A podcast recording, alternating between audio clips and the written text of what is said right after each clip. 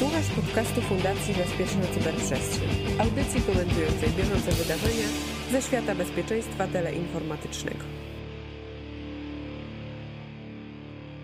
Halo, halo, tu mówi Warszawa w podcaście Fundacji Bezpieczna Cyberprzestrzeń Cyber Cyber. To nasz kolejny podcast, tym razem będzie to podcast procesowy. Wracamy do naszych procesów i do tak naprawdę frameworka firstowego. Tylko, że teraz zajmiemy się tak jakby obszarem dziewiątym, obszarem dziewiątym, czyli transfer wiedzy. Moim gościem oczywiście klasycznie Maciej Pyznar. Dzień dobry. I Kamil Gapiński. Cześć wszystkim, dzień dobry. Także witamy Was serdecznie. W czasach zarazy jak najbardziej usługi certowe są potrzebne, a więc jak to jest z transferem wiedzy? Wiemy, że tutaj mamy trzy obszary usług, mamy czyli budowanie świadomości, trening i edukacja, ćwiczenia powiązane tak naprawdę z tym szkoleniami i doradztwo techniczne, biznesowe, także y, tutaj mm, jeżeli możecie przybliżyć nam katalog firstowy w tym obszarze, także zapraszam Was serdecznie. Nie wiem, który z Was chce zacząć, także proszę uprzejmie. Ale co zacząć? Ja, poz tak? ja pozwolę sobie właśnie zacząć raczej od przypomnienia, tak? Bo po pierwsze dawno nas nie było, a jak ktoś zacznie słuchać tego podcastu, to stwierdzi, ale o czym ci panowie dziwni rozmawiają. E, więc przypominamy, że rozmawiamy o katalogu usług firstowych E, katalogu usług certowych, przepraszam, opracowanym przez FIRST i e, no, jesteśmy na obszarze serwisowym dziewiątym, czyli transfer wiedzy. W ramach tego obszaru jest e, rzeczywiście kilka usług, które teraz się postaramy przybliżyć i teraz Kamilu oddaję głos Tobie. Okej, okay, to tak będziemy sobie teraz oddawać głosy nawzajemnie, rozumiem. No dobra. Ja tak się zdziwiłem, bo Cyprian powiedział obszar dziewiąty i przez chwilę myślałem, że um, popełnił błąd, ale chodzi o to, że jakby ten obszar e, ma jakby numerację, tak? Numer, numer 9, a obszarów jest mniej, bo z tego co wiem to jest ich a, 5, więc e, no to tak na marginesie tylko. Ten obszar usługowy właściwie to najczęściej jest zarezerwowany dla już bardziej takich doświadczonych, bym powiedział, e, zespołów bardziej licznych, że tak powiem. No i standardowo, jeżeli my tutaj współpracujemy z, z lokalnymi zespołami e, w, Pol w, Polsce, konsultujemy niektóre e, procesy, usługi, no to jeżeli chodzi o ten e, transfer wiedzy, no to on ogranicza się w zasadzie do transferu wiedzy, ale no nie wiem, w zakresie jakiegoś wspólnego słownika pojęć, w zakresie jakiegoś wiki i tak dalej, tak? To tak ja mam takie obserwacje, że więcej e, tutaj um, u nas się by nie działo. Maciek mi e, po drugiej stronie e, Teamsów właśnie to macha, więc oddaję mu głos, bo chce się z nią sprzeczać. Tak, chciałbym się nie zgodzić o dziwo. Pierwszą kwestią jest taka, że powiedziałeś, że to dotyczy zespołów bardziej zaawansowanych a z tego, co ja z kolei obserwuję u naszych klientów, to jest tak, że no, jeżeli jest taki zespół, to jest jednak silne oczekiwanie, bez względu na, jakby na, na jego dojrzałość lub nie, żeby, żeby o tych zdarzeniach i tę świadomość budował mm, wśród organizacji po prostu w sposób ciągły, więc jest oczekiwanie silne, żeby, żeby organizować szkolenia, żeby mówić im o tych, o tych zagrożeniach i tak dalej. I nawet jeśli E, ten zespół nie jest bardzo doświadczony, to właściwie to na niego spada to, bo w organizacji właściwie trudno znaleźć lepiej i bardziej kompetentnych, lepiej przygotowanych i bardziej kompetentnych niż, e, niż ten zespół. To, to raz, a, a dwa, no jakby druga kwestia, z którą się nie zgadzam, to jest to, że ty, jakby to jest to na zewnątrz, tak? To raczej owszem na zewnątrz zespołu, ale w, w kierunku jakby organizacji konstytuency. No więc właśnie, to, to kwestia polega na tym, że mamy do czynienia z tym, że może być ta transfer wiedzy, może odbywać się zarówno na zewnątrz, nawet naszej organizacji, nawet naszego konstytuensy, jak również wewnątrz konstytuensy. I myślę, że no tutaj, no tak. tutaj to jest najważniejsze. To ja myślałem o tym przede wszystkim, e, na początku myślałem o tym wewnętrznym transferze wiedzy. No i tutaj, jeżeli chodzi o no, te oczekiwania, to często są rzeczywiście wyższe niż to, co właściwie te zespoły robią między sobą, tak jak między sobą przekazują e, wiedzę, bo mówiąc o jakimś wiki, gdzie są, nie wiem, um, opracowane procesy, jakieś wskazówki odnośnie e, obsługi incydentu, czy obsługi poszczególnych e, narzędzi, no to to są, to jest ten transfer wiedzy, e, o którym mówimy jakby wewnętrznie. Jest nastawiony na jakieś operacyjne kwestie, no a jeżeli chodzi o mówienie o cyberbezpieczeństwie, w taki sposób, by jakby wzmocnić i zbudować świadomość swojego constituency, tutaj odsyłam do naszego poprzedniego podcastu, gdzie tłumaczyliśmy constituency, no to, to już bardziej bym upatrywał, że to się dzieje i zespoły certowe no, uczestniczą w budowaniu takich programów.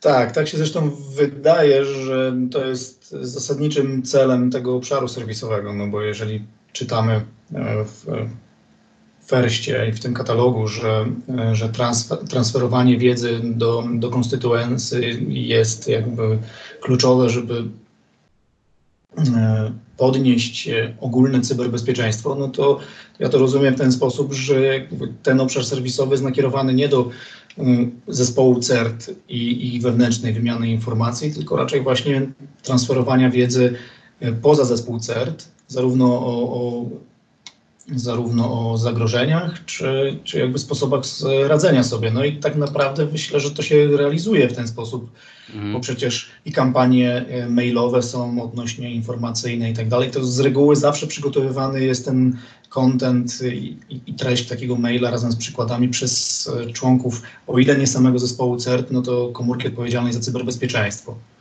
Być może to jest jakby bardzo istotne, że, że my tu mówimy o, o katalogu e, usług CERT, ale tak naprawdę ten transfer wiedzy no, no, no może nie, nie być umiejscowiony, ta usługa nie być umiejscowiona stricte w zespole e, CERT, czyli wśród tych technicznych, czy na pierwszej, drugiej, czy na trzeciej linii, ale e, również w zespole, który, który jakby opiekuje się na przykład, nie wiem, standardami, czy, czy innymi rzeczami. Mówicie bardzo ciekawie na temat właśnie tego transferu wiedzy, ale teraz tak, właśnie jak wygląda z reguły ten transfer wiedzy, tak? Jakbyście zrazili już teraz właśnie trochę kuchni, czy mamy do czynienia z tym tak naprawdę, że jest jakiś newsletter, załóżmy, przykładowo w formie newslettera, co wychodzi z CERT-u do konstytuensy, ale teraz jest pytanie, czy tak naprawdę nie powinno być może tak, że to te do konstytuencji, do każdego z osobna powinien być wysyłany, bo czasem te konstytuencje jest różne, tak? Więc y, potrzebuję innych informacji. Wiem, że często wysyłany jest taki pojedynczy newsletter, który informuje o tym mniej więcej, co rzeczywiście robił CERT, czego się dowiedział i w jaki sposób buduje tą świadomość. Ale tak z Waszego zdania, czy on powinien być rzeczywiście rozbudowany, tak uzależniony w pełni od konstytuencji, że do każdego klienta powinien iść inny?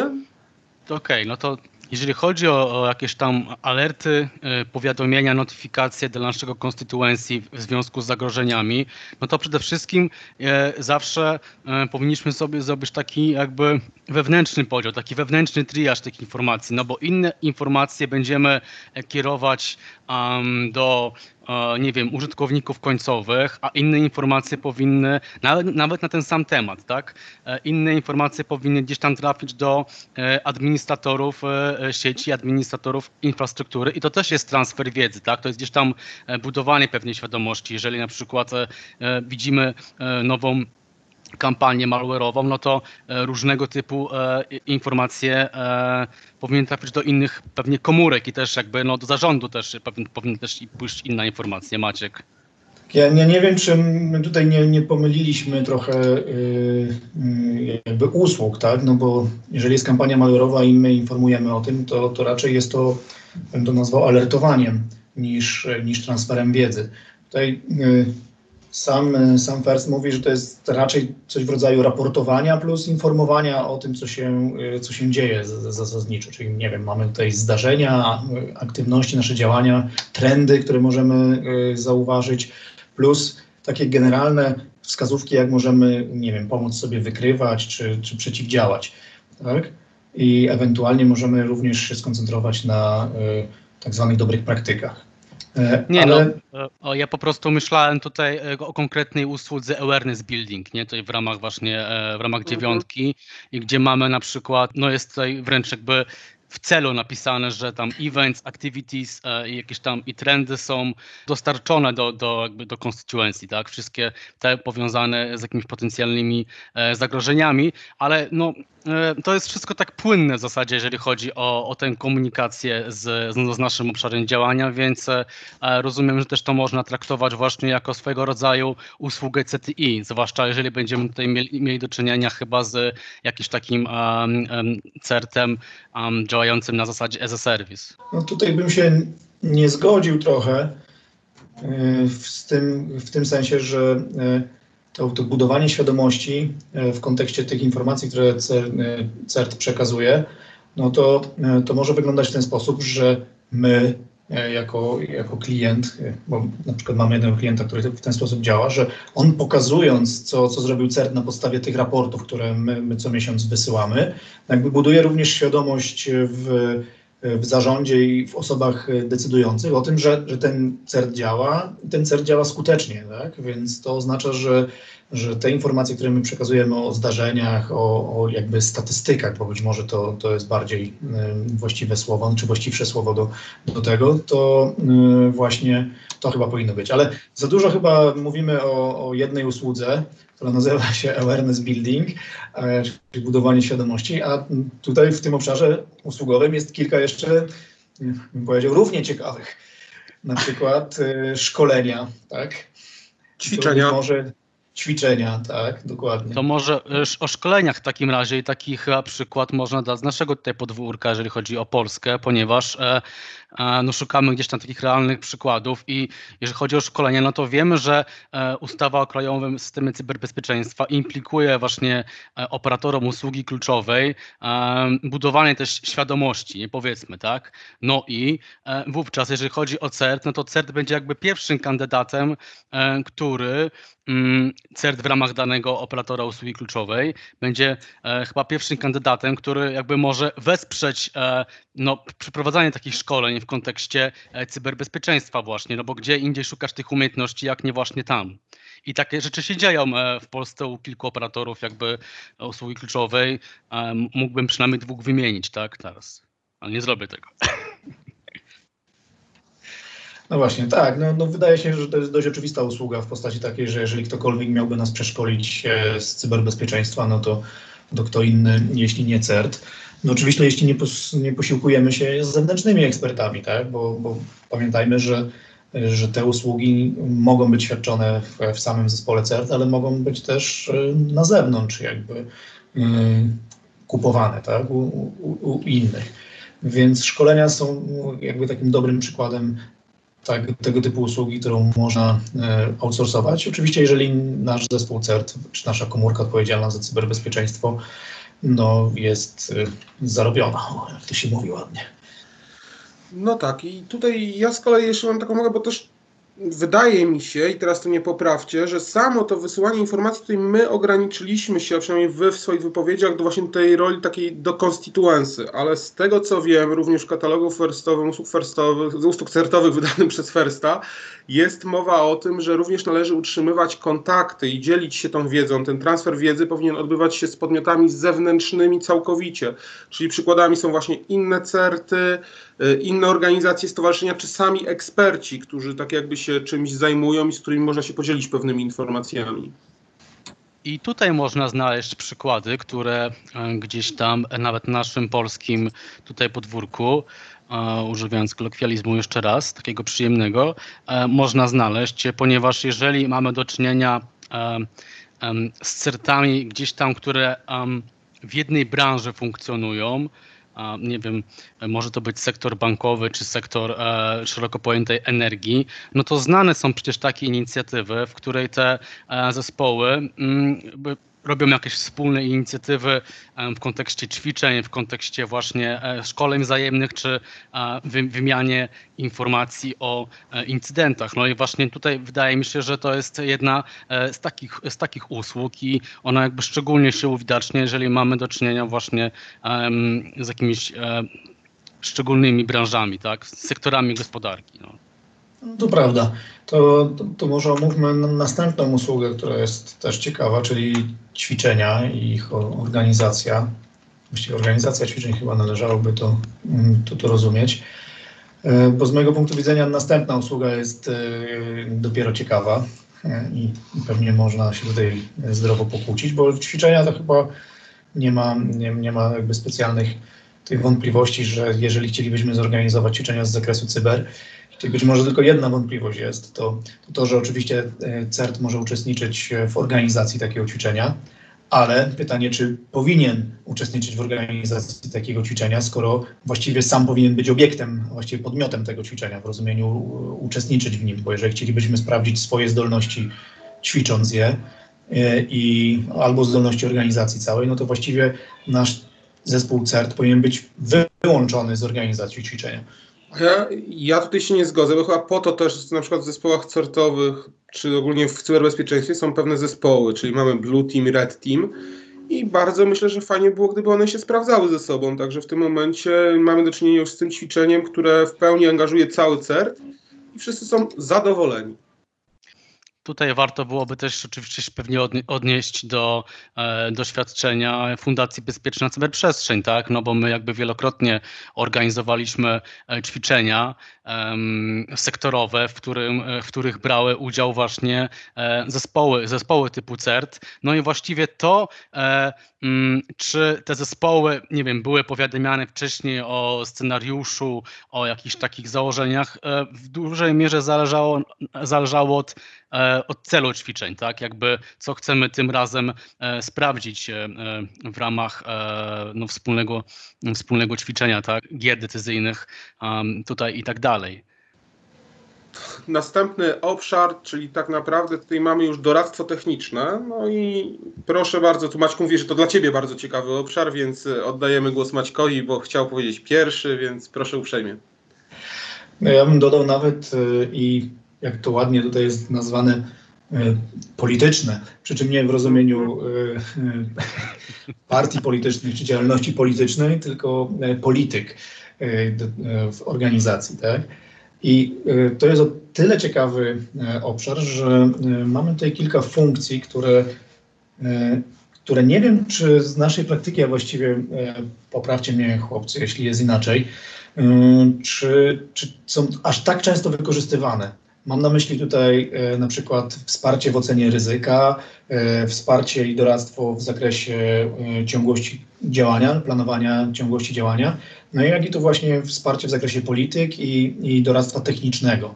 I z naszej praktyki, albo przynajmniej z mojej, wynika, że mm, te zespoły czasami bywają jakby pomijane w tym, tak? I, I, to jest pewien problem, bo tak, nie wiem, realizujemy audyty czy, czy inne rzeczy, to się nagle okazuje, że, że są E, nie wiem, do, ocena ryzyka jest zrobiona na poziomie korporacyjnym i gdzieś tam jest uwzględniona teleinformatyka, ale nie w tym aspekcie, w rozumieniu takim, że wiem, są zaplanowane jakieś scenariusze potencjalnych ataków, ich skutki i tak dalej. No to jest gdzieś robione e, piętro niżej i, i to jakby nie dochodzi tam. W związku z tym ten, e, to ryzyko korporacyjne owszem jest oceniane i są tam działy IT i tak dalej, ale nie ma tego bezpieczeństwa w tym. Wiesz co, mi się wydaje, że tak jest i rzeczywiście bardzo często jest, że mamy do czynienia z ryzykiem korporacyjnym na tym takim wysokim poziomie. Natomiast y, dlaczego? Bo to jest właśnie ten transfer wiedzy. Gdyby CERT dobrze transferował wiedzę, to wtedy y, szefowie organizacji, tak, kierujący organizacją, mieliby wiedzę, że być może trzeba bardziej to uwzględnić. Dla nich istotne jest w tym momencie, że coś nie działa, tak? Nie ma dostępności i jest brane tylko i uwagę, tylko tak naprawdę pod uwagę dostępność, że nagle znika mi dostępność jakiejś rzeczy i to jest tylko istotne z punktu widzenia kierownika, dlatego być może właśnie, że ten transfer wiedzy nie jest na najlepszym poziomie.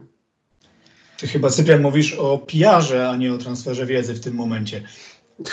być może, być może. E, znaczy, brutalnie mówiąc, e, i tak, i tak chyba się wszyscy zgodzą trochę z tym, że e, to, e, czy udział e, CERT-u w analizie ryzyka, czy w analizach służących do planowaniu e, business continuity, no to zależy w dużym stopniu od tego, jak CERT, jak zespół bezpieczeństwa, jak, jak jest umocowany i jak też potrafi się rozepchać łokciami, tak, w kontekście właśnie no, swojego istnienia w organizacji, bo często te komórki są gdzieś tak, um, nie mają jakby, um, nie wiem, um, mocnego umocowania w postaci własnego departamentu, departamentu czy jakoś, jakieś komórki organizacyjne, które dawałyby im szansę na to, na, na szansę wypowiedzi, zwłaszcza jeżeli, e, a to też się czasami jeszcze zdarza, że mm, bezpieczeństwo jest jakąś tam częścią cały czas szeroko pojętej informatyki, prawda?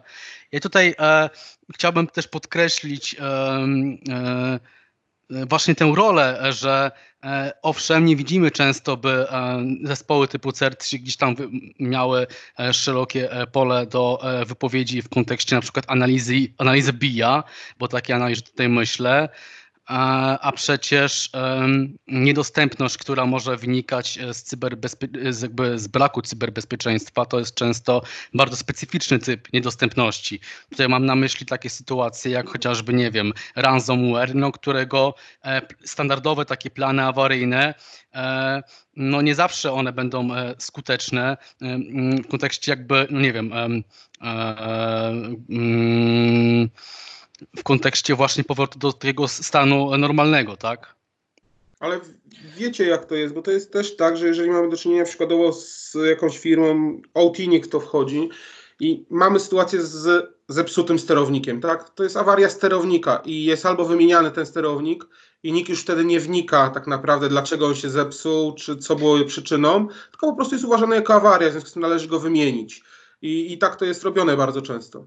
No i właśnie e, jeżeli, jeżeli właśnie e, ten sterownik się zepsuje, sorry Maciek, wiedzę, że podnosisz rękę, jeżeli ten sterownik się zepsuje, no a jakby nie mamy zidentyfikowanego ryzyka, dlaczego on się zepsuł, no to to oznacza, że nie wprowadzimy odpowiedniej jakby kontroli i zabezpieczeń, tak, przed e, materializacją tego e, typu ryzyka. I tutaj CERT jak najbardziej e, może, mógłby się wypowiedzieć. I tu tak, pełna... zgadzam się zdecydowanie, bo to, bo to dokładnie o to chodzi, że jeżeli nie znamy przyczyny, a tą przyczyną może być, tak jak w przypadku ransomware'u, e, samoistne e, rozprzestrzenianie się po organizacji, więc każde nowe urządzenie po prostu tak samo zostanie e, zaszyfrowane i, i właściwie standardowy plan awaryjny pod tytułem OK, to wyciągam jeden laptop, daję drugi laptop i, i jest OK.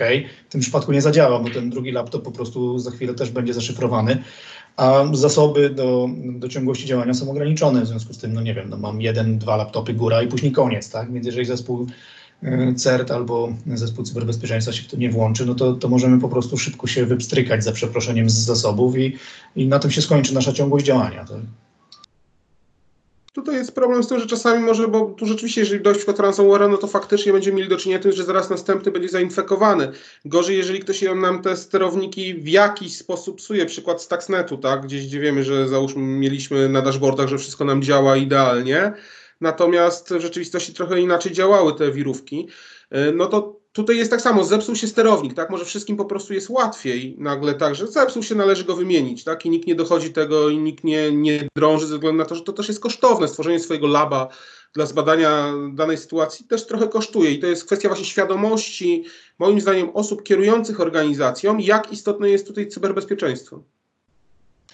No tak, ale przykład Stuxneta jakby e, naszą tezę z Kamilem e, jakby potwierdza, tak? No bo co z tego, że ja wymieniłem sterownik, jeżeli wymieniłem go na ten sam model i ten sam typ, co z tego, że bez ma malware'u, no to za chwilę on będzie miał też malware, tak? I też nie będzie działał poprawnie, więc to jakby no, naszym zdaniem, a przynajmniej moim zdaniem jest absolutnie niezbędne, żeby ten zespół włączyć, tak? No bo trudno sobie wyobrazić, żeby, żeby nie mógł się wypowiedzieć. Oczywiście, że tak, to znaczy jak najbardziej z tym się zgadzam, to, to nie starałem się podważyć tego, co mówicie, tylko wskazać też, jak często to wygląda w organizacji, jak do tego podchodzą, podchodzi kierownictwo, tak? No dobrze, zostały nam e, dwie potencjalne jakby funkcje w, e, w tym doradztwie, w tym zakresie. To, e, to, są ciekawe też funkcje, bo to mamy wsparcie w, w ramach polityk, no i, i, i doradztwo techniczne. Tak? No i no, trudno jakby nie oczekiwać z zespołu CERT, żeby, żeby tego nie robił, ale zgadzam się z Kamilem, że jeżeli on nie jest odpowiednio nie wiem jak to nazwać dobrze, ale powiedzmy w cudzysłowie pozycjonowany w firmie, czyli ma, jest z organizacji źle umiejscowiony, no, no to rzeczywiście nie ma na to żadnego wpływu, tak? No bo e, jeżeli nie będzie miał dorasta technicznego, no to wychodzi na to, że nie wiem, IT kupi jakiś sprzęt e, bez, bez konsultacji z systemem, znaczy z cyberbezpieczeństwem, no i, no i może pojawić się za chwilę kłopot, którego jeżeli cyberbezpieczeństwo nie bierze tak samo udziału w, w ocenach ryzyka, no, no pojawi się, może się pojawić za chwilę jakiś większy. No tak, to jest oczywiście istotne, by mm, przynajmniej CERT był stroną konsultacyjną, jeżeli chodzi o jakieś poważne zakupy IT, czy też nowe przedsięwzięcia, projekty e, w zakresie infrastruktury, sieci i tak dalej.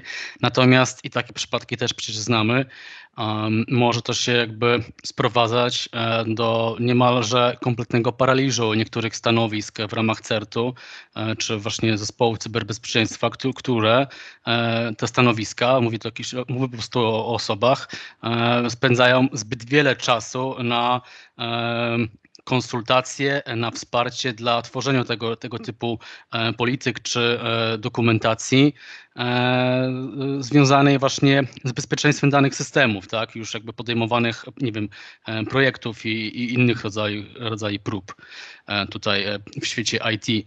Z drugiej strony no, ten balans jakby zawsze tu będzie trudno pewnie uzyskać, ale jeżeli myślę o politykach, no to ja tutaj myślę o takiej właśnie praktycznej stronie realizacji tego, tego, tej funkcji usługowej, mianowicie, że jeżeli na przykład ktoś e, w polityce, e, nie wiem, mm, polityce kontroli dostępu e, stworzy zapis, że można się, nie, można się nie, nie, nie, nieprawidłowo zalogować, nie wiem, cztery czy pięć razy, to to taka polityka musi mieć później jakby swoje odzwierciedlenie w alercie, które powstaje na bazie e, pewnej reguły korelacyjnej, nie? którą gdzieś tam, e, mm, którą akurat zawiaduje CERT, no w tym przypadku pewnie bardziej SOK, no ale tutaj właśnie mówię o tym, żeby e, ten udział sprowadzał się do takich konkretnych, mm, praktycznych no, no, przykładów, nie? żeby te dwie strony pod tym względem ze sobą mogły rozmawiać. No, dobrze, że zwróciłeś na to uwagę, bo rzeczywiście zapomniałem o tym e, jakby no, ujemnym aspekcie tej, tej sytuacji, że, że, po prostu oni są zakopani w jakichś dokumentach, projektach e, e, i innych rzeczach, a, a, nie mają czasu na zasadniczą e, pracę, albo to angażuje ich na tyle, że, e, że jedna i druga robota jest no nie powiem, że po łebkach, no ale na pewno z, wpływa to na, na możliwości poświęcenia temu czasu. Ale jak raz się z tą zgodzę. O, to bardzo miło. To bardzo. Tak. Słuchajcie, no co zostało nam jeszcze te sprawy doradztwo techniczne, z tego co widzę, tak, bo, bo o ile politykach teraz powiedzieliście, czyli tak naprawdę udzielanie wszelkich porad technicznych, tak, które mają pomóc w lepszym zarządzaniu wszystkim, ale to też odnosi się do tak naprawdę ryzyka. Jak najbardziej, więc tutaj chyba nie, nie musimy tak tego robić. No tutaj doradztwo techniczne rozumiemy bardziej jako, e, jako szczegółowe e, i, i konkretne techniczne porady w rozumieniu, nie wiem, na przykład wybierz urządzenie, które posiada daną funkcjonalność na przykład, albo pozwala na przykład na instalację, nie wiem, Sysmona czy cokolwiek innego, albo będzie forwardowało nam do, do naszych systemów cyberbezpieczeństwa swoje logi. Będzie taka możliwość, tak, żeby zintegrować na przykład z tymi rozwiązaniami, które już mamy. Więc e, no, tutaj chyba nie musimy zbyt wiele gadać, poza tym tak już ten podcast trwa chyba e, lekko zbyt długo. Nie wiem, czy tylko ja mam takie wrażenie, nie, bo... że mi tak szybko przeleciało. O, wiesz, e, słuchacze chcą jakby jak najdłuższych podcastów, przynajmniej niektórzy, no ale my niestety w dzisiejszych czasach lekko skomplikowanych pewnie będziemy się musieli skłaniać się ku końcowi naszej, tej, e, e, naszej rozmowy. Jak najbardziej tak. Dziękujemy Wam, że byliście z nami. Na pewno do Was jeszcze wrócimy. Jeszcze trochę zostało nam tego katalogu usług do omówienia, więc jeszcze, jeszcze będziemy się spotykali. Życzymy Wam przede wszystkim zdrowia, bo to teraz najważniejsze zdrowia zarówno tego fizycznego, jak i psychicznego. No i możecie nas posłuchać zarówno na naszych stronach fundacji, jak na naszych stronach z portali społecznościowych, jak również na iTunesie. Także zapraszamy do słuchania, zapraszamy do komentowania. Jeżeli macie jakieś pytania, to postaramy się do nich odnieść, czy też bezpośrednio do Was odpisując, bądź też poruszając kwestie, jeżeli to będzie od większej ilości osób na naszej antenie, że tak się wyrażę. Y, Także dziękuję Wam bardzo. Do usłyszenia i tyle. Cześć. Dziękujemy bardzo. Ja życzę jeszcze cierpliwości Pozdrawiam. w siedzeniu w domu. No tak. To ważne. To ważne. A my wracamy Bardzo do dobrze. roboty. Danke.